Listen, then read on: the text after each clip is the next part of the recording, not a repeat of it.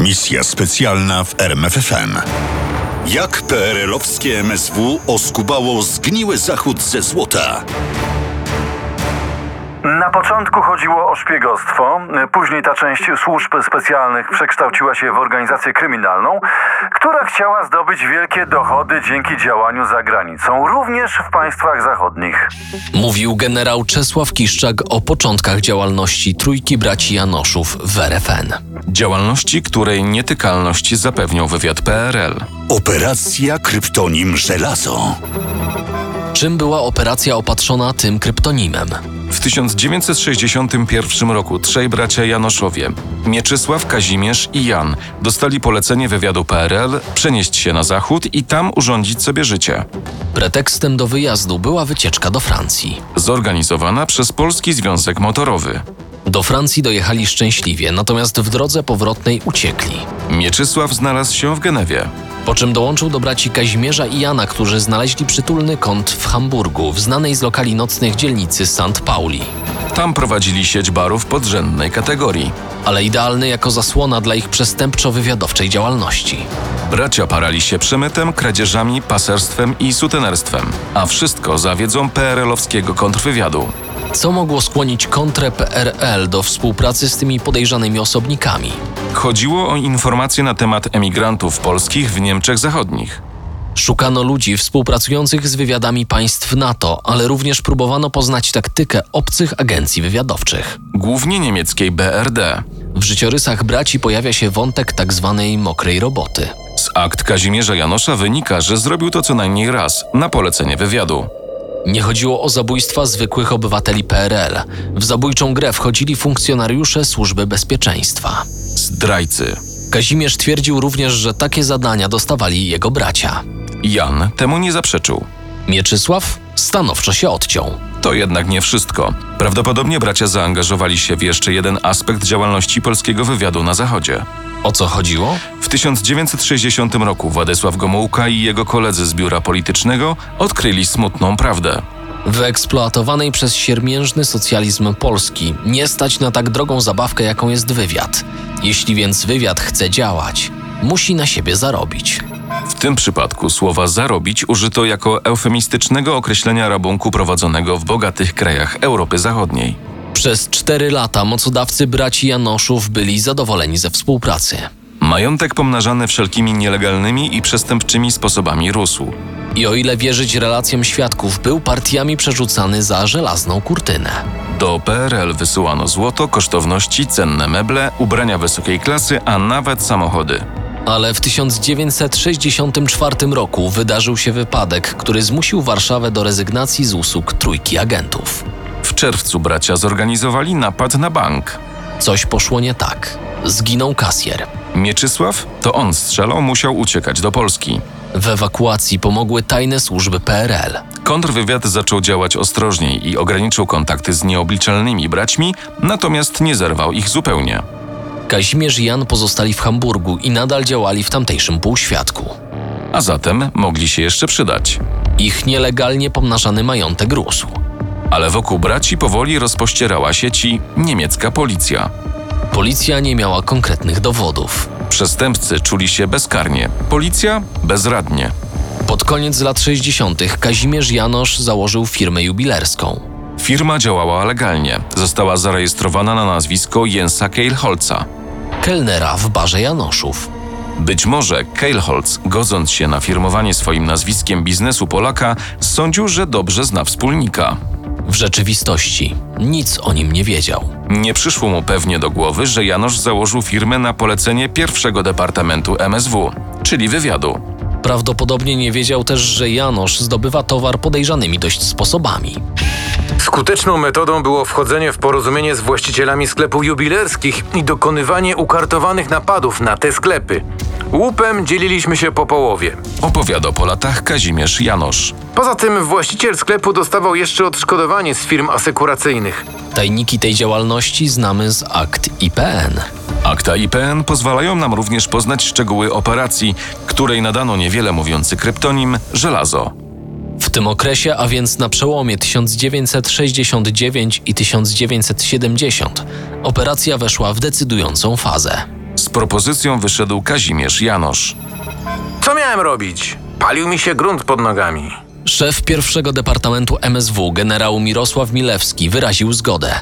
Obiecał pomóc w ewakuacji, ale nie za darmo. Warunkiem było dokończenie operacji Żelazo. O co chodziło? Czym było to żelazo? Żelazo to złoto. Złoto w formie sztabek, ale też pierścionków, sygnetów, łańcuszków i wszelkiej maści biżuterii i kamieni szlachetnych. Ile było tego gromadzonego przez lata żelaza? Dziś trudno powiedzieć. Warto jednak zaznaczyć, że dla Kazimierza Janosza i jego mocodawców z Warszawy to wciąż zbyt mało. Umowa przewidywała sprawiedliwy podział łupów po ewakuacji do Warszawy. Sprawiedliwy to znaczy pół na pół. Ale żeby coś dzielić, trzeba było to coś pomnożyć. Ostatni tydzień pobytu w RFN był dla Janosza pracowity. Zawierał transakcje, pospisywał umowy, zabierał towar i kierował go do przygotowanego poprzednio magazynu. Prawdopodobnie zakupy przekroczyły kwotę 2 milionów 800 tysięcy marek. Skąd Janosz miał te miliony? To było proste. Umowy zawarte z jubilerami zawierały klauzulę mówiącą o zapłacie żądanej sumy przelewem bankowym do tygodnia od daty zakupu. Nigdy nie zostały zrealizowane. Swoje konta w bankach niemieckich Janosz wyczyścił do zera. W całej nieczystej grze był jednak pewien szczegół, który mógł przekreślić zamiary Janosza. Wspólnik Keilholz. Operację należało przeprowadzić tak, aby Keilholz niczego nie podejrzewał. Przecież i on niebawem miał zostać okradziony. Janosz wymyślił fortel. Wysłał Keilholza do Frankfurtu po kamienie szlachetne, ale po przyjeździe Niemca, wspólnika nadmen, okazało się, że adres jest błędny i nie ma żadnych kamieni. Do Hamburga Jens Keilholz wrócił z niczym.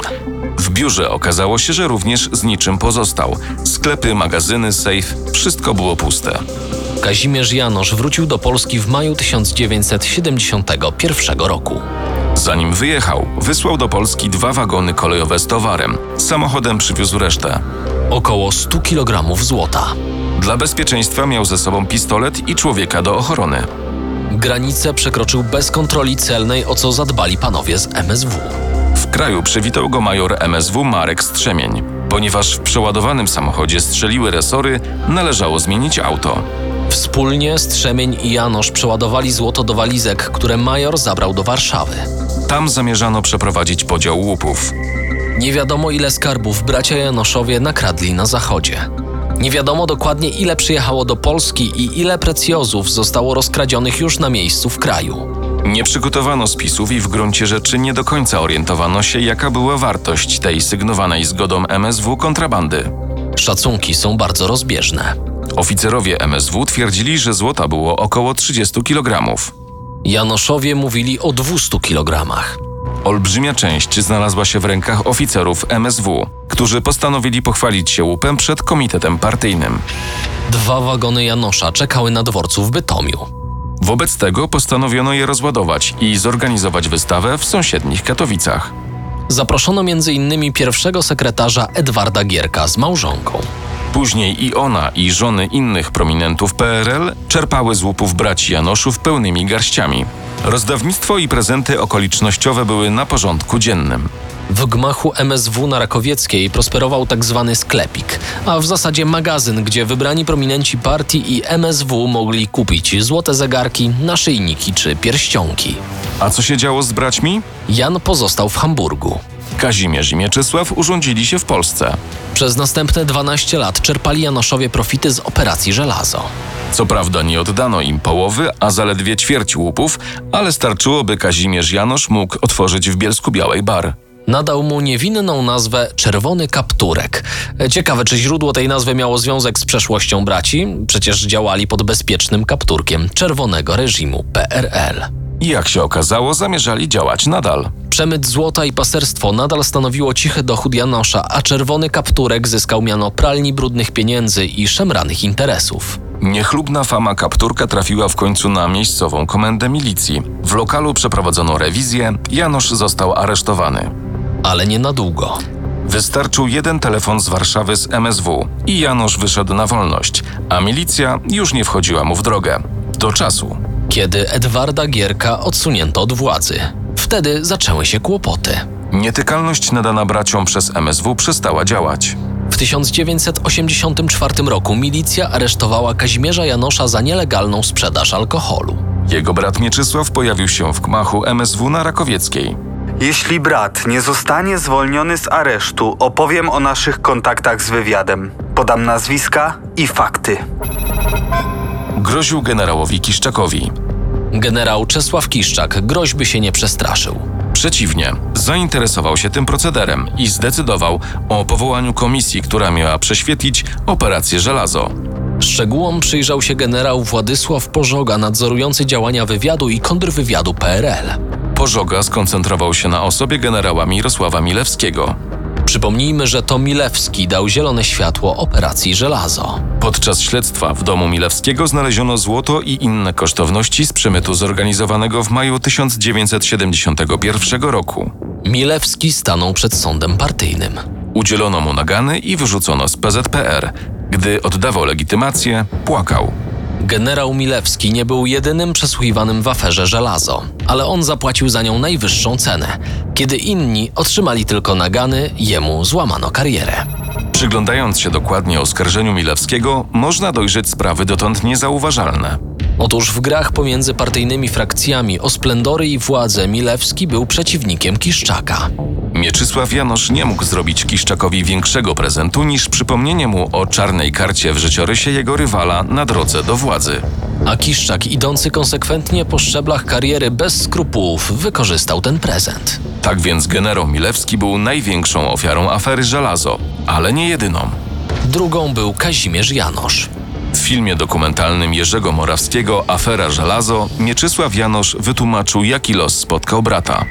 MSW przygotowało po cichu z sprawców, którzy posz- poszli w latach niedawnych i go obrabowano.